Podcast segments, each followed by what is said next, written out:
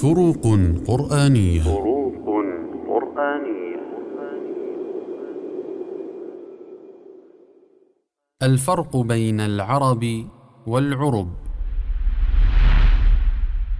العرب بفتح العين والراء خلاف العجم وهم أمة من الناس سامية الأصل كان منشأها شبه جزيرة العرب.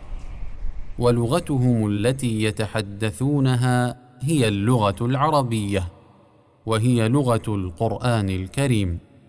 ومن ذلك قوله تعالى إنا أنزلناه قرانا عربيا لعلكم تعقلون أما العرب بضم العين والراء فجمع عروب. وهي المرأة المتحببة إلى زوجها المتوددة إليه المطيعة لأمره. كما جاء في وصف الحور العين فقال سبحانه إنا أنشأناهن انشاء فجعلناهن أبكارا عربا أترابا.